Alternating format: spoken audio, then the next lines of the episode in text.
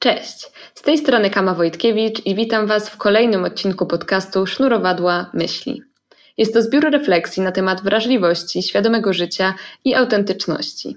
I dziś właśnie o autentyczności bardzo dużo udało mi się porozmawiać z moim kolejnym gościem, czyli z Karoliną Chudek z Sisterhood and Son, czyli profilu na Instagramie, który prowadzi razem ze swoją siostrą Violą i dzielą się treściami na temat czułości do samej siebie, kobiecej seksualności, kobiecego siostrzeństwa, wspierania się nawzajem i wielu innych tematów związanych właśnie z szukaniem swojej prawdy, życiu w zgodzie z intuicją. Także zapraszam Was serdecznie do kolejnego odcinka. Mam nadzieję, że dużo z niego wyniesiecie, bo ja osobiście mam poczucie, że naprawdę rozmowa z Karoliną była jak rozmowa z kimś, kogo znam od lat i bardzo ze mną zarezonowały te treści, więc życzę Wam miłego odsłuchu i zapraszam. Cześć Karolina. Cześć, witam Cię Kama, hej. Cześć, bardzo się cieszę, że przyjęłaś moje zaproszenie i jestem bardzo podekscytowana naszą dzisiejszą rozmową, bo po tym jak y, przestudiowałam Twój profil na Instagramie i poczytałam gdzieś Twoje treści, to poczułam, że one są mi bardzo bliskie i, i mam gdzieś takie y, podejrzenie, że nasi słuchacze też z tym zarezonują. Także jeszcze raz bardzo Ci dziękuję i y, mam nadzieję, że uda nam się dzisiaj porozmawiać o rzeczach, które są w sumie i dla mnie, i dla Ciebie ważne. E, super mi miło w ogóle e, i pięknie dziękuję za te słowa. Totalnie ja teraz przyjmuję i otulam się nimi. E, I tak, mam nadzieję, że nam popłynie tutaj super i że mm, te treści, które tutaj dzisiaj przekażemy, będą posłużą i Twoim słuchaczom, i, i wszystkim, i nam również. Super. No to słuchaj, na początek chciałabym Cię spytać, bo yy, no myślę, że warto jest powiedzieć, że prowadzisz profil Sisterhood and Son, więc fajnie byłoby w sumie zacząć od tego siostrzeństwa, czyli czegoś wokół takiej osi, wokół której mam wrażenie, że te treści są trochę kreowane. I chciałam Cię zapytać, czym tak naprawdę dla Ciebie jest siostrzeństwo i skąd w ogóle wziął się pomysł na to, żeby wokół czegoś takiego tworzyć yy, profil, bo mam wrażenie, przynajmniej z mojego doświadczenia, że kobiety w dzisiejszych czasach z jednej jednej strony mm, walczą o to, żeby się wspierać, żeby wypchać się do góry, jest jednak mocno nasilona fala feminizmu, ale z drugiej strony mnóstwo z nas się nawzajem podkopuje, sobie wcale nie kibicuje i właśnie kobieta kobiecie potrafi być największym wrogiem. I zastanawiałam się, jakie ty masz do tego podejście i czy ty sobie wypracowałaś gdzieś taką przestrzeń do tworzenia relacji z kobietami, które się rzeczywiście wspierają i wierzą w siebie, a nie sobie zazdroszczą. Z siostrzeństwem zawsze mam taki pierwszy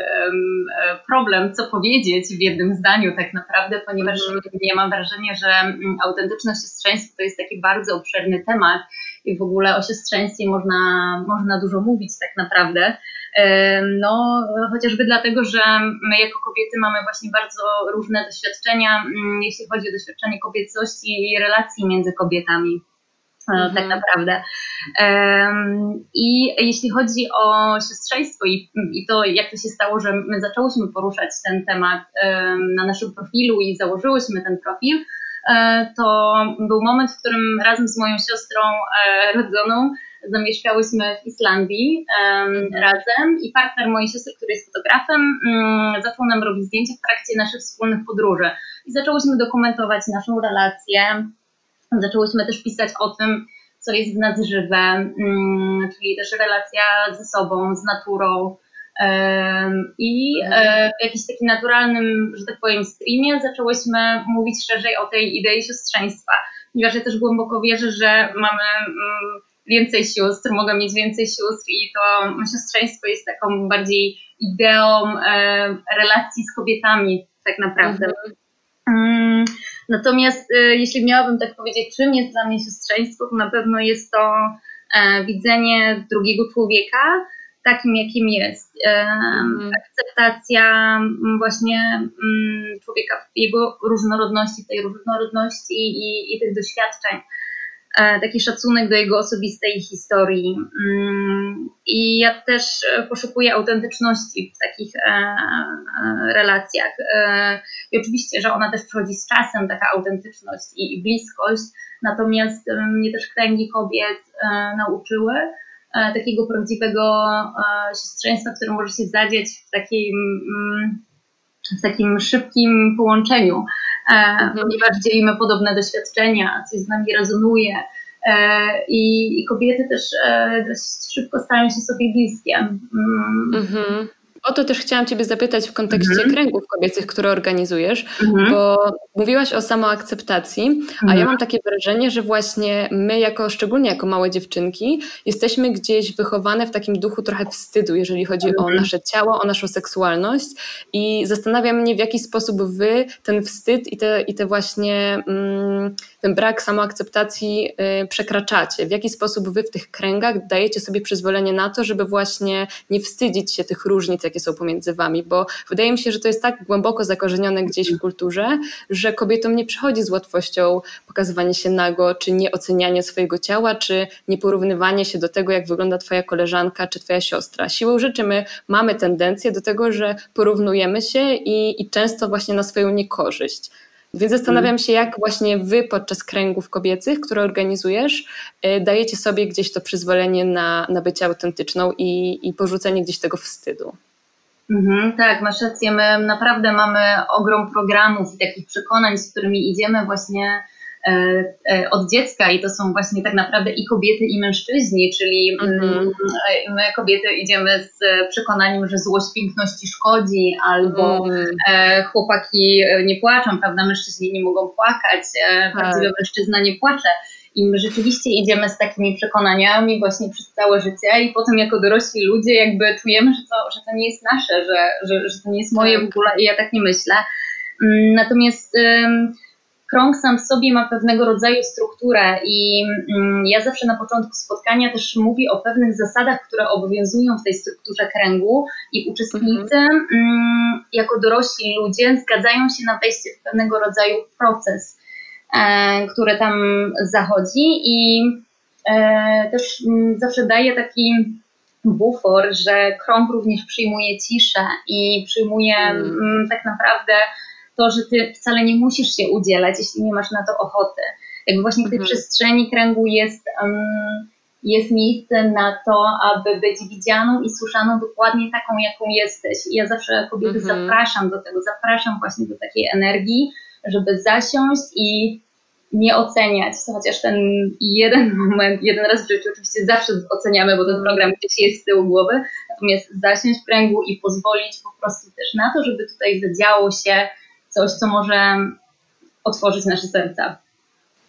Mm, no brzmi wspaniale, ale też zastanawiam się, bo mm, no tak, z jednej strony my oceniamy siebie nawzajem i to jest coś, co mhm. wy próbujecie, próbujecie gdzieś porzucić w kręgach, ale z mhm. drugiej strony, nie wiem, czy się ze mną zgodzisz, ale mi się mhm. wydaje, że często my sami jesteśmy swoimi największymi wrogami, że właśnie ten wewnętrzny krytyk jest najsilniejszy w nas samych, że kiedy coś robimy, to nawet jeżeli z zewnątrz nie dostajemy żadnej krytyki, to my sami potrafimy siebie mm, zablokować przed właśnie odkrywaniem czegoś, przed przekraczaniem strefy komfortu, tylko dlatego, że właśnie wewnętrznie słyszymy taki głos sabotażysty, który ci mówi, mm. że, że albo ci się nie uda, albo że jesteś gorsza niż ktoś inny i tak dalej. I zastanawiam się, czy ty masz takie doświadczenia na przykład, czy, czy to, że robisz takie rzeczy i poszukujesz swojej autentyczności i robisz rzeczy w zgodzie ze sobą, wynika z tego, że na przykład ty też się zmagałaś z wewnętrzną krytyką, czy, czy może nie? Jak to u ciebie wyglądało? Mm -hmm. Oczywiście ja się z e, tą wewnętrzną krytyką i sabotażystą zmagam nieustannie cały czas i ja jestem cały czas w takim życiowym procesie obierania się trochę jak cebuli warstwa po warstwie. E, mhm. I e, to jest też takie śmieszne, bo wczoraj dokładnie zrobiłam stories w tym temacie i to było niesamowite, jaki był ogromny odzew ludzi na to, że doświadczają czegoś podobnego, że właśnie ten wewnętrzny sabotażysta blokuje ich przed działaniem, przed wychodzeniem do świata, przed ujawnieniem się ze swoim talentem, przed wchodzeniem w relacje z innymi ludźmi, bo mhm. boimy się, boimy się oceny innych, ale właśnie nie tylko, przede wszystkim sobie już na wstępie dajemy pakiet w ogóle przekonań i ocen e, od razu z wejścia i mhm. oczywiście ja tego też nieustannie doświadczam wychodząc ze sobą do świata, nawet mm, zasiadając w kręgu jako trzymająca tak samo jakby odzywa się we mnie też ten wewnętrzny sabotażysta, czy, czy ja sobie poradzę, czy to jest ok, co ja robię, co ja mówię, e, teraz wszyscy na mnie patrzą, jaką ja historię tutaj wniosę, czy, czy w ogóle gadam bzdury. Mm, I absolutnie, ja myślę, że to jest też bardzo ludzkie, natomiast e, ja zawsze tak zachęcam do wchodzenia do takiego czułego dialogu ze sobą i z tym wewnętrznym sabotażystą. Mm. A powiedz mi, czy mogłabyś nas przeprowadzić przez to, jak mniej więcej taki krąg kobiecy wygląda? Bo wiem, że następny mhm. będzie we wrześniu, mhm. więc może który, kogoś z naszych słuchaczy to zainteresuje i chciałby dołączyć, więc jestem ciekawa, bo sama też na czymś takim nigdy nie byłam. Mhm. Jak to wygląda? Jak wy to organizujecie i jakie jest tego przesłanie? E, wiesz co, kręgi kobiet tak naprawdę ja organizuję bardzo różne, bo organizuję i kręgi kreatywne, kręgi taneczne i kręgi tematyczne mm. tak naprawdę, więc tutaj może bym się skupiła bo on, na tym kręgu tematycznym, bo on ma taką mm.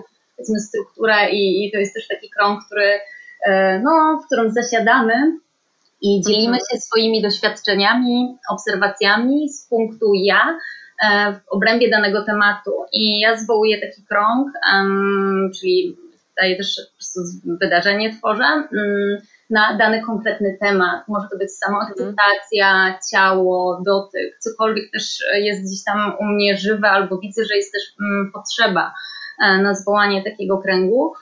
E, I e, zasiadamy w strukturze koła. I też ta struktura koła automatycznie narzuca mm, nam takie poczucie, że wszyscy jesteśmy równi, że wszyscy mm. jesteśmy tutaj, każdy z nas ma swój czas, ma głos, ma e, przestrzeń na swoją historię, nie przykrzykujemy się mm, i zasiadając też w takim kręgu, mm, zawsze jest z nami taki gadający przedmiot, talking stick, cokolwiek, czyli przedmiot, który mm, jeśli dana osoba trzyma, to w tej chwili mówi i reszta milczy. I bardzo mhm. ważną taką zasadą w kręgu jest poufność, czyli nie wynosimy tych naszych osobistych e, historii poza krąg, tak żeby każdy czuł się też bezpiecznie E, i e, też taka zasada nieudzielania rad, bo my mamy taki mm. jako ludzie wielki talent, że my e, lubimy wysłuchać, ale też bardzo lubimy doradzić bardzo szybko tak. i tak ciężko nam, często nawet nie wysłuchujemy danej osoby do końca, tylko oczywiście już chcemy dać radę. Natomiast mm. dla mnie bardzo jest bardzo ważna zasada w kręgu, ponieważ ona pokazuje też, że mamy szacunek do drogi i do procesu tej drugiej osoby. E, I każdy z nas doświadcza różnych rzeczy i trudno nam jest czasami naprawdę trzymać język za zębami, kiedy widzimy, że jakaś osoba doświadczy czegoś trudnego, a my już na przykład mamy podobne doświadczenie ze sobą i moglibyśmy teraz posłużyć dobrą radą.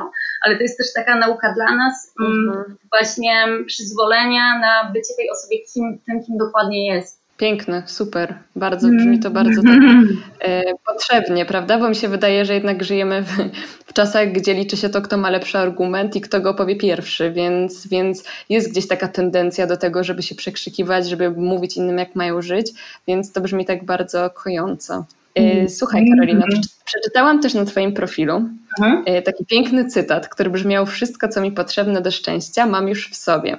I od razu mi się skojarzyło to trochę z medytacją, bo ja też praktykuję e, mhm. medytację i, i uczę się gdzieś, jestem gdzieś w procesie uczenia się tego, jak nie pozwalać, żeby okoliczności zewnętrzne, na które ja nie mam wpływu, nie wpływały na mnie aż tak silnie. Czyli mhm. jeżeli ja mam jakieś poczucie w sobie szczęścia, to żeby to, że ktoś z zewnątrz albo jakaś sytuacja z zewnątrz, nad którą nie mam kontroli, zrobi coś nie tak, to żebym ja nadal pozostała gdzieś fundamentalnie na tym poziomie szczęścia, na jakim chcę być. I mhm. zastanawiam się, czy ty też masz doświadczenie medytacyjne i jeżeli tak, to w jaki sposób medytacja albo może inne praktyki, których ty używasz, pomagają ci właśnie nauczyć się szukać tego szczęścia w sobie, a nie w innych osobach albo okolicznościach właśnie zewnętrznych. Mhm, mhm. E, tak, medytacja na pewno mnie, ja też medytuję i medytacja e, mnie bardzo wspiera, ale tak naprawdę myślę, że to jest wszystko w ogóle, co wybieram doświadczać w swoim życiu w tej chwili i um, uczy mnie pewnego rodzaju takiej uważności i scentrowania. Także na pewno medytacja jest e, niesamowitym narzędziem, które nas uczy takiego ugruntowania w sobie, E, ale też tak naprawdę podróże dla mnie też są takim elementem właśnie e, takiego zajrzenia mm, do wnętrza. Ja w mhm. ogóle też myślę, że to jest bardzo ważne, żeby, żeby szukać tego scentrowania w sobie, bo ostatecznie mamy e, siebie zawsze przy sobie. Mhm. Gdziekolwiek nie jesteś ty, tam jesteś ty. Mm, tak naprawdę i rzeczy materialne, czy ludzie przychodzą i odchodzą, Dlatego ja mam takie poczucie, że ta wewnętrzna kotwica jest e, bardzo ważna i e, danie, danie temu obszarowi takiej właśnie opieki i uwagi, żeby, żeby sobie wytrenować takie ugruntowanie jest mega istotną rzeczą w życiu. Ale to jest ciężkie. Bardzo, moim zdaniem tak. to jest bardzo ciężkie, żeby się nie przywiązywać do rzeczy, na których nam zależy, albo do ludzi, na których nam zależy, bo z jednej strony tworzymy mm. relacje i i na przykład w relacji z partnerem polegamy trochę na tej osobie, jednak jesteśmy przyzwyczajeni do tej osoby i, i ona wpływa dosyć y, znacząco na nasze poczucie mhm. szczęścia na co dzień.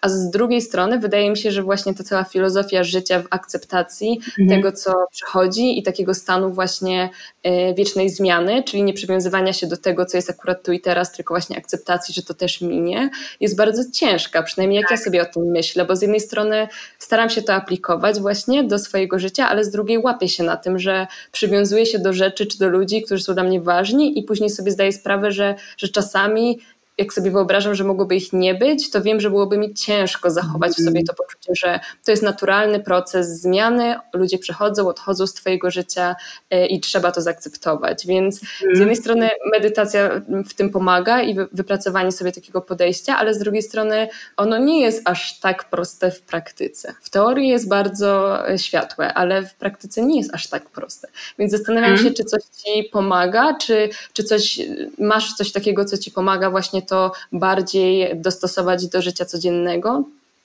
Wiesz co, totalnie Cię słyszę w tym, e, bo to jest trudne przekonanie i też ja myślę, że to jest bardzo ludzkie, że my się przywiązujemy i e, ten aspekt właśnie e, takiej naszej ludzkiej emocjonalności tak naprawdę. Wiesz co, ja byłam też na takiej medytacji na Vipassanie, mhm. gdzie przez 10 dni intensywnie medytowaliśmy w, w zasadzie w izolacji, w milczeniu i E, to było bardzo, bardzo ciekawe doświadczenie w moim życiu. E, I dokładnie tam było, dokładnie to zdanie, które wyniosłam z, całej, z całego tego kursu, który był w ogóle no, nieziemskim przeżyciem, takim też trudnym i konfrontującym bardzo, to było właśnie mhm. to, że wszystko w życiu mija, mm, że zaakceptowanie tej takiej zmienności i i przemijania przynosi tak naprawdę wewnętrzny spokój. I to jest trudne i jest konfrontujące, ale też właśnie zdanie sobie sprawy, że mm, to nie chodzi o to, że teraz mamy się znieczulić, e, tylko mhm. że wszystko płynie tak jak w naturze, jest cykliczność. W każdej sekundzie jesteśmy już innym człowiekiem tak naprawdę. To przynosi pewnego rodzaju taką ulgę, mm, przynajmniej dla mnie i, i taki spokój, mm, bo, bo nic nie jest jakieś totalne, nasze decyzje też nie są totalne. Daje mi też takie poczucie sprawczości i wpływu tak naprawdę. Właśnie tak, tego bym to chyba ujęłam. Mhm. Mhm. A czy ja mam tak. jakieś takie narzędzie, które mi pomaga? Y, kurczę, nie wiem. Powiem Ci, że ciężko mi powiedzieć teraz. Mhm, jasne. Y, znaczy nie, nie musisz mieć odpowiedzi, także nie ma, nie ma problemu. Ale zastanawiam się, bo to jest jednak trochę wbrew takiego systemu, w jakim żyjemy, bo jednak mm, popatrz, jak jesteśmy kształceni w szkołach. Jesteśmy kształceni mhm. po to, żeby dążyć do tego, żeby iść na studia, potem dążyć do tego, żeby kupić dom, mieć stałą pracę, mieć stabilny dochód, yy, założyć rodzinę. Wszystko jakby jest moim zdaniem w tym systemie takim zachodnim y, skierowane na to, żeby właśnie się osadzać, żeby się przyzwyczaić do jakiegoś stabilnego y, stanu i żeby to wszystko było takie przewidywalne i bezpieczne, że jakby nie jesteśmy wychowywani w duchu właśnie przekraczania granic, przyzwyczajenia się do tego, że wszystko się zmienia, że wszystko przemija.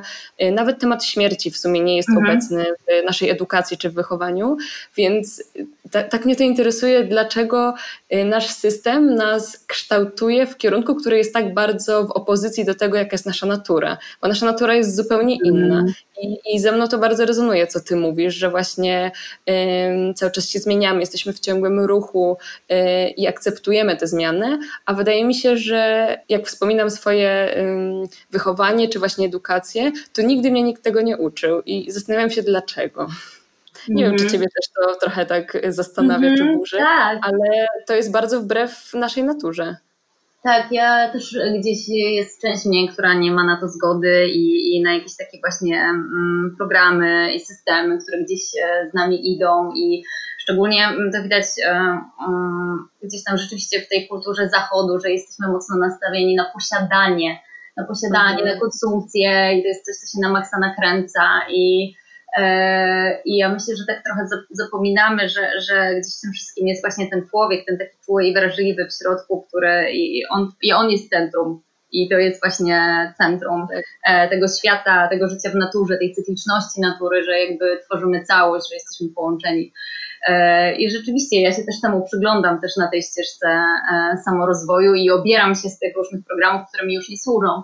A tak naprawdę mhm. myślę, że po prostu sobie warto odpowiedzieć na pytanie, co mi służy, bo jeśli służy Ci życie też właśnie w tego typu, nie wiem, spiesznym społeczeństwie, jakby nabywanie i rzeczywiście, jeśli to jest potrzeba Twojej duszy, to okej, okay, ja to rozumiem. Natomiast mm, jakby myślę, że blokowanie w jakiś sposób innych ludzi, którzy nie chcą iść tą ścieżką, bądź um, krytykowanie tego, no to jakby nie jest okej, okay, ponieważ no, każdy z nas ma prawo do, do swojego postrzegania i, i do swojej drogi. Tak, zgadzam się z tym bardzo. Y, powiedziałaś o cykliczności natury i chciałam Cię w sumie zapytać mm o mhm. Islandię, bo wydaje mi się, że mm nigdy nie byłam na Islandii, ale wydaje mi się, że to jest takie miejsce, w którym człowiek ma szansę się bardzo blisko zderzyć z siłą natury. I zastanawiam się, czy właśnie mm, to, to przemyślenie u Ciebie zrodziło się, kiedy tam mieszkałaś, czy to już się zrodziło wcześniej i Islandia była właśnie takim kierunkiem wynikającym z tej potrzeby, że właśnie mm, chciałaś być bliżej natury. Jaką, jaką rolę twoja, Twój pobyt pobyt na Islandii ma mhm. właśnie w tym kontakcie człowieka z naturą? Ja myślę, że to się w ogóle już zaczęło mm, ciut wcześniej, bo właśnie przed Islandią mieszkałam e, też e, przez chwilę, przez kilka miesięcy w Izraelu i po Islandii, mhm. po Izraelu mm, jakby przeprowadziłam się do Islandii i to było w zasadzie na tamten moment dość przypadkowy e, wybór. Natomiast teraz z perspektywy czasu ja też widzę o co chodziło. To się po prostu mhm. wspinało większe większe kawałki mm, i ja się tam rzeczywiście bardzo nauczyłam dużo od matki natury, bo ta siła tam tej natury jest przepotężna. Ona jest wręcz taka, powiedziała, ten krajobraz jest wręcz taki dramatyczny i e, no ja tam rzeczywiście nurkowałam, nauczyłam się pracować z naturą, nauczyłam się nurkować w głąb natury, też w głąb siebie tym samym. Wyczułam, że natura jest trochę takim moim lustrem, do tego, co się zadziewa e, we mnie i wtedy rzeczywiście weszłam w Islandii w taką też mocną ścieżkę samorozwoju i wtedy też, mm. też się e, pojawił ten moment, że właśnie w tej konfrontacji jakby takiej człowiek-natura e, bardzo dużo rzeczy mi wypłynęło i bardzo dużo rzeczy się, że tak powiem, pokazało. A czy, czy ta twoja właśnie wewnętrzna kobieta, o której pisałaś też na mhm. Instagramie, o takiej dzikiej kobiecie, się właśnie gdzieś tam ujawniła? Czy to jest, czy to jest jakieś twoje doświadczenie z innego okresu? Bo, bo to mnie też bardzo zainteresowało w kontekście właśnie budowania takiej wspólnoty kobiet, które się wspierają i, y, i właśnie cieszą się swoją intymnością, nie wstydzą się jej. To, o czym trochę mówiłyśmy na początku. Mhm, mhm. E, wiesz co, e, ten temat pojawił się tak naprawdę wcześniej i ja tak mm, naprawdę wierzę, że ta dzika kobieta, ona jest z nami od początku, od urodzenia. Tylko, że właśnie mhm. to, o czym rozmawiałyśmy, tylko, że właśnie w tym, w tym systemie i w tych różnych programach ona jest stopniowo wyciszana. I przychodzi tak. taki moment w życiu um, wielu z nas, jakby u mnie przyszedł też taki moment, w którym ona naprawdę czuła, że chce się gdzieś tam wyrwać i w takich pragnieniach z serca i przeżywania tej rzeczywistości trochę inaczej. I pierwszy mhm. taki kontakt właśnie z tą dziką kobietą, w zasadzie to było dobrych parę lat temu, mm, jak byłam na swojej pierwszej psychoterapii e, i mój terapeuta polecił mi książkę Clarice Pingoli Estes Biegnące z wilkami i to było takie mhm. pierwsze zdarzenie moje właśnie z e, dziką kobietą, z cyklicznością e, życia, z cyklicznością natury. E, I od tamtej pory jakoś tak mniej lub bardziej podświadomie zaczęłam eksplorować ten temat i już weszłam na taką drogę właśnie samopoznania trochę właśnie i swojej kobiecości, seksualności, jakby właśnie wszystkich, e, wszystkich tematów też związanych tak naprawdę z samorozwojem. Natomiast rzeczywiście w Islandii to się zintensyfikowało, ponieważ w Islandii weszłam w pierwsze doświadczenia kręgów kobiet. Mhm. I tam jak zobaczyłam tą różnorodność nas jak, jako kobiet, jakby zawsze ją widziałam w życiu, ale tam było to bardzo takie namacalne doświadczenie, e, które no mm, po prostu jak na tacy podało mi e, właśnie to, jak wspaniałe i różne jesteśmy, jak dzikie, jak spokojne, jak świetliste, jak mroczne i e, to było naprawdę bardzo piękne doświadczenie. Piękne, no brzmi, brzmi naprawdę mhm. cudownie. W kontekście też właśnie bycia dziką kobietą zastanawiałam mhm. się, skoro już mówimy właśnie o byciu w naturze, byciu w jakiś sposób wolną, to chciałam Cię spytać o to, czym tak naprawdę dla Ciebie jest wolność i jak ona się w ogóle objawia w Twoim życiu na co dzień. Czy, czy właśnie um, fakt, że, bo wydaje mi się, że jesteś teraz w Polsce, prawda? Czy jesteś... Um, tak, tak. Mhm. Okej, okay. mhm. więc czy właśnie dla Ciebie fakt, że jesteś teraz w zupełnie innych jednak, e, w innym środowisku, w innych okolicznościach, e, czy to w jakiś sposób tłumi Twoją wolność, którą czułaś, że miałaś właśnie jak byłaś blisko natury tam? Czy to jest coś, co Ty nosisz już w sobie i jesteś w stanie gdzieś podróżować w głąb siebie, niezależnie od tego, gdzie jesteś? Bo, bo wydaje mi się, że wolność to jest coś, do czego tak naprawdę podświadomie wszyscy dążymy, nawet jeżeli nie chcemy mhm. tego przyznać, to jednak każdy z nas chce być wolny do wyrażania siebie, do kreowania takiej, takiej takiego życia i takich treści, jakie, jakie czujemy, że z nami rezonują, do, mm. do podejmowania decyzji, które są nasze. Wydaje mi się, że wolność to jest taki y, ważny aspekt życia, ale jednak no, system nas trochę y, ogranicza i oddala od, tej, y, od tego dążenia do wolności, więc byłam ciekawa, co jest dla Ciebie mm, taką wolnością. Bardzo fajnie, no dokładnie w punkt powiedziałaś e, o tej wolności, że to jest taka jakość, której, której pragniemy i gdzieś podświadomie, intuicyjnie, tak bardzo instynktownie gdzieś jej szukamy i jakby właśnie rzeczywiście do niej dążymy. E, mhm. I rzeczywiście dla mnie to też jest taka pierwsza jakość, najważniejsza w życiu i, i ja ją bardzo mocno odczuwałam mm, właśnie podróżując solo i będąc w drodze. No właśnie ten, ten taki czas, kiedy kilka lat temu zaczęłam się przemieszczać i podróżować sama, on właśnie dawał mi takie doświadczenie bycia w, e, w podróży. I oczywiście mogłabym być też w podróży całe życie, bo są osoby, które też w taki sposób żyją, mają taki lifestyle, ale jakby też miałam gdzieś taką potrzebę w sobie ugruntowania się i dla mnie teraz w tej chwili wolność to jest taka, takie pytanie, kim jestem, co mnie karmi i to jest takie odpowiadanie na swoje potrzeby tu i teraz. I mm. też do mnie dotarło, że to bycie w drodze właśnie mm, jakby nie musi być zawsze związane z przemieszczaniem się z kraju do kraju, czy w jakieś dzikie zakątki świata, czy odhaczanie kolejnej, nie wiem, miejsca bucket list na Instagramie. Jakby to, mhm. to nie jest to. My możemy podróżować zawsze. I nawet będąc w swoim miejscu zamieszkania, gdziekolwiek jesteśmy. I mi się bardzo podoba taki cytat yy, Glory Steinman z jej książki Moje życie w drodze. I teraz jakby nie zacytuję go dokładnie, ale ona właśnie mówiła mhm. o tym, że ona stara, ona bardzo dużo podróżowała po Stanach, że ona stara się być mm, w drodze zawsze każdego dnia, mieć w sobie tą uważność takiego ciekawskiego obserwatora, nawet jeśli wychodzi z domu po zakupy do sklepiku osiedlowego. I ja myślę, mhm. że to jest, ja bardzo, bardzo czuję tą ideę i też e, nie zawsze mi to oczywiście wychodzi. To jest, e, mhm. czuję się wiele razy sfrustrowana, e, że, że nie jestem teraz w podróży w drodze. Natomiast mhm. to są takie słowa, które mnie wybrzmiewają i, i staram się po nie sięgać, kiedy na przykład właśnie jest mi trudniej i, i mam taki zew w sobie, że o, teraz to naprawdę bym gdzieś pojechała. No tak, bo to też jest o tyle trudne, że z jednej strony masz, masz te potrzeby, żeby się przemieszczać, być w ruchu, no ale z drugiej strony nie łapiesz się czasem na tym, że myślisz sobie, fajnie byłoby właśnie już mieć jakąś większą stabilność, na przykład wiedzieć na czym stoisz, nie wiem, zawodowo albo w relacjach y, z ludźmi i tak dalej. Czy, czy masz coś takiego, że czasami bycie w takim ruchu właśnie cię męczy trochę, że, że masz potrzebę trochę większego osadzenia, czy jednak masz tę umiejętność osadzenia się w sobie na tyle wypracowaną, że bycie w drodze nie zachwiewa gdzieś tego, tej twojej równowagi? Mhm. Wiesz co, nie mam. Myślę, że się tego cały czas uczę tak naprawdę. I to uczenie się to jest też właśnie takie pytanie się, jaka jest moja potrzeba na tu i teraz, bo one się też zmieniają, ponieważ to, o czym mówiłyśmy, my jako ludzie się zmieniamy i nasze potrzeby też się zmieniają.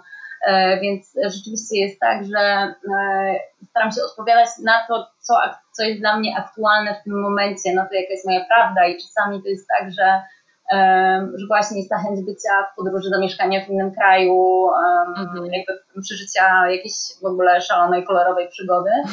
E, wróciłam też do Polski z takim poczuciem, że jakby chcę być bliżej przyjaciół, chcę być bliżej mojej rodziny i, i gdzieś się ugruntować. Natomiast jakby mam sobie też taką otwartość, że to się może zmienić dosłownie za chwilę.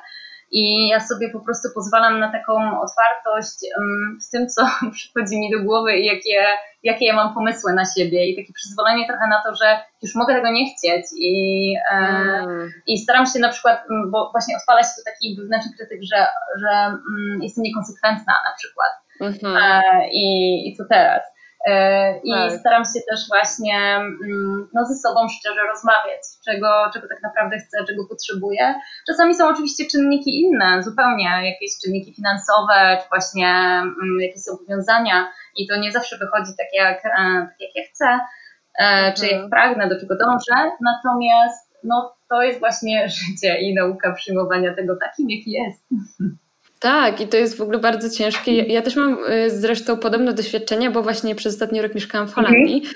i wróciłam do Polski mhm. w marcu właśnie, kiedy, kiedy wiadomo, co się zaczęło dziać na świecie. I, y, I na początku właśnie zderzyłam się z takimi myślami, że no z jednej strony podjęłam tę decyzję, jestem w Polsce, ale z drugiej strony właśnie miałam takie wątpliwości, czy aby na pewno ja chcę osiadać, czy aby na pewno to jest dobra decyzja, że ja mhm. nie jestem w tym ruchu, że ja wróciłam do, do kraju, który, w którym się wychowałam i czy to nie jest jakiś taki regres, wiesz, że, mhm. E, że skoro już żyłam za granicą, doświadczałam, cały czas się przemieszczałam, to czy teraz powrót do Polski mnie mm, emocjonalnie, mentalnie jakoś tak nie Aha. obciąży, że ja się będę czuła że jestem w takim zastoju i się nie rozwijam, bo osiad, osiadłam. Mm. Więc dlatego mnie zainteresował, bo jednak y, masz, zakładam, zupełnie inny tryb życia y, teraz w Polsce niż miałaś w Islandii, więc. Y, więc dlatego Cię o to zapytałam, bo, bo ja mhm. sama się gdzieś zmagałam z tymi wątpliwościami, czy aby na pewno chcę w tej chwili być tutaj i wiedzieć, że mogłabym być tam bo, bo tam miałam bardziej e, swobodne życie, pełne ruchu, a tutaj jednak to życie jest troszeczkę bardziej zorganizowane, uporządkowane, ale to, co powiedziałaś, bardzo ze mną zarezonowało, że z drugiej strony y, wszystko się zmienia, więc to, że ja jestem teraz w Polsce, nie oznacza, że ja już nigdy nie będę z powrotem w Holandii albo w innym kraju i będę znowu w drodze w ruchu. Więc to mm. chyba mhm. też jest taka fajna lekcja z tego, co ty teraz powiedziałaś, żeby akceptować te zmiany, a nie się do nich przywiązywać, że ty już jesteś skazana na ten scenariusz i ty już nigdy nie wrócisz do tego, jak było kiedyś, bo to chyba jest błędne przekonanie.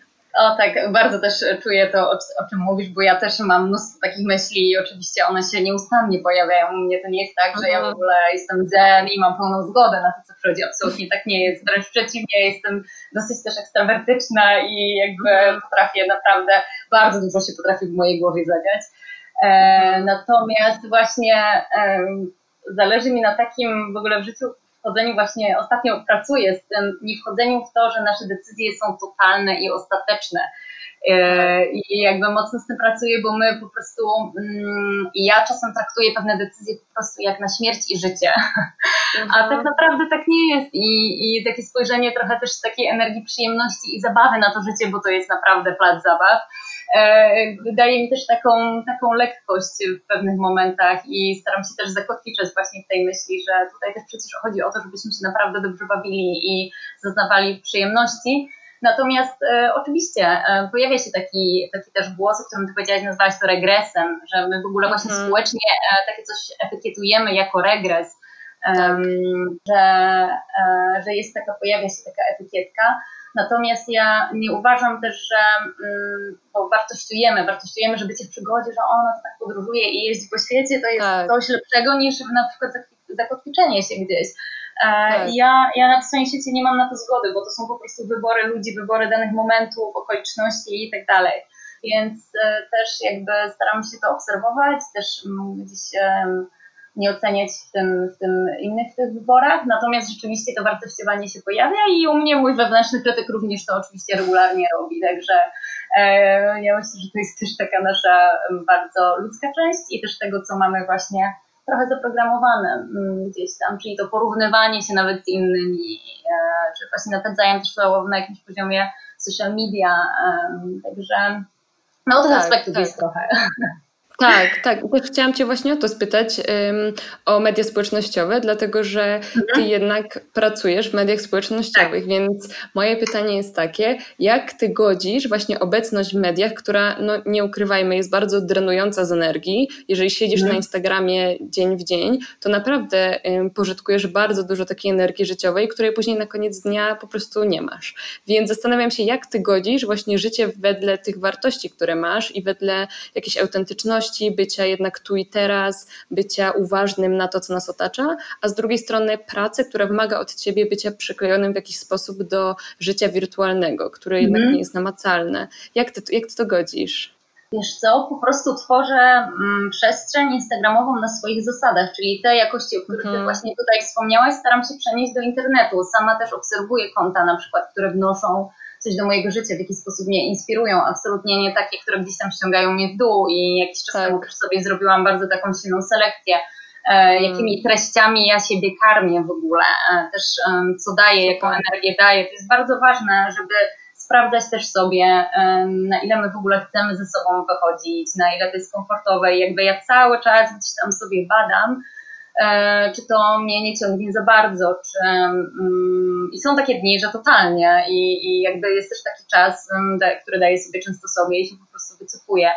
E, natomiast e, myślę, że to narzędzie um, online jest też niesamowite pod tym względem, że możemy się łączyć z tak wieloma ludźmi e, i mhm. możemy docierać do różnych ludzi właśnie jakby możemy poruszać tego typu treści i, i się komunikować e, nimi z innymi osobami, łączyć się, mhm. ogłaszać właśnie tego typu eventy, spotkania. E, myślę, że to jest też e, dobre narzędzie, tylko chyba jest tak jak ze wszystkim, że trzeba też mm, pewne rzeczy no, wiedzieć, jak używać i jakby zachować tak. pewien balans i umiar. Mhm. Myślę, że tak jest z wieloma rzeczami tak naprawdę w życiu. Tak, tak. Y, no dobrze, no to chciałabym Cię na koniec spytać mhm. o to, co byś powiedziała komuś, kto dopiero gdzieś zaczyna swoją ścieżkę y, takiego świadomego życia, załóżmy, że trafił na Twój profil, zainspirował się, ale czuje taką blokadę, że mm, no trudno jest mu jednak wyjść ze swojej głowy, czuje, że ciągle mu gada mhm. ten wewnętrzny krytyk, ma jego ego cały czas dyktuje gdzieś to jak żyje, więc żyje konsumpcyjnie, żyje w odklejeniu gdzieś od swojej intuicji, y, może żyje w stresie, ma pracę, która wymaga od niego ciągłej, ciągłego bycia pod presją. Jak ty byś nakierowała taką osobę, od czego w ogóle zacząć, jeżeli mamy w sobie te blokady, a, a bardzo chcemy jednak się ich pozbyć i żyć bardziej autentycznie? Mhm. O kurczę. Tak, to jest ten moment, e, z którym hmm, co tutaj powiedzieć. Um, ja Może polecam... też od tego, jak ty mhm. zaczęłaś. Mm-hmm. Jak ty zaczęłaś, bo zakładam, że ty też miałaś swoje początki, które nie były od razu y, idealne. Mm-hmm. Ja mm, polecam szukać i próbować, bo jeśli się z czymś zmagamy i to często ta potrzeba pojawia się właśnie w kryzysie, wtedy, kiedy pojawia się jakiś kryzys w naszym życiu. I ja uważam, że jeśli z czymś się zmagasz w tej chwili, to pojawia też się potrzeba, potrzeba, żeby coś z tym zrobić, ruszyć dalej. Jeśli doświadczamy właśnie jakiejś frustracji w życiu, to znaczy, że też pojawia się na jakimś poziomie przestrzeń na zmianę. E, I zachęcam ignorowania pracy, pracy z cieniem. Są różne techniki, bezpieczne narzędzia, które wspierają w takiej pracy. Są przede wszystkim profesjonaliści, do których możemy się zwrócić. Jak regularnie mhm. pracuję z różnymi mentorami, psychoterapeutami. E, I są bardzo różne ścieżki i takie wsparcie, po które my też możemy sięgać i nie, nie wstydzić się właśnie prosić o to wsparcie. Ten wstyd może być mhm. bardzo blokujący w ogóle w naszym życiu. Natomiast on też jest przestrzenią do, do ukochania i do zmiany. I mhm. też pytać się siebie, jak się dzisiaj czuję, czego potrzebuję, kontaktować się właśnie ze swoim ciałem. I ja wierzę, że, hmm, że każdy z nas tak naprawdę ma taki wewnętrzny kompas. E, mhm. Jeśli go tylko dopuścimy do głosu, to tak naprawdę wiele może się zacząć zmieniać w naszym życiu. Super, ale pięknie spuentowałaś. Karolinko, bardzo Ci dziękuję. Bardzo, bardzo wartościowe rzeczy poruszyłaś dzisiaj w tym odcinku i wydaje mi się, że dużo osób może gdzieś odnaleźć siebie w tych treściach albo może, może mm, te treści go zainspirują lub ją do tego, żeby coś zmienić w swoim życiu i być bardziej właśnie w zgodzie ze sobą, ze swoją mm. prawdą i intuicją. Więc y, bardzo Ci dziękuję, że się tym podzieliłaś y, i się otworzyłaś na to. No, ja bardzo Ci, Kamila, dziękuję za tę rozmowę i tego też z całego serca Wam wszystkim życzę. Dzięki piękne. Dzięki. Jeszcze raz bardzo dziękuję Wam za wysłuchanie tego odcinka. Jeżeli jesteście zainteresowani treściami Karoliny i Wioli, to odsyłam Was do ich Instagrama, który podlinkuję w opisie odcinka. A na dzisiaj to już wszystko. My się widzimy za dwa tygodnie, a ja Was bardzo zachęcam do tego, żebyście wchodzili na mój Instagram sznurowadła.myśli bez polskich znaków, gdzie publikuję bardzo dużo treści uzupełniających odcinki, ale też dzielę się swoimi inspiracjami tygodnia, książkami, przemyśleniami i staram się pogłębiać gdzieś te treści z podcastu. Także będzie mi bardzo miło, jeżeli wejdziecie na mój profil, y, podzielicie się też swoimi przemyśleniami na temat odcinków. Także śmiało zapraszam. Na dzisiaj to już wszystko. Także do zobaczenia za dwa tygodnie.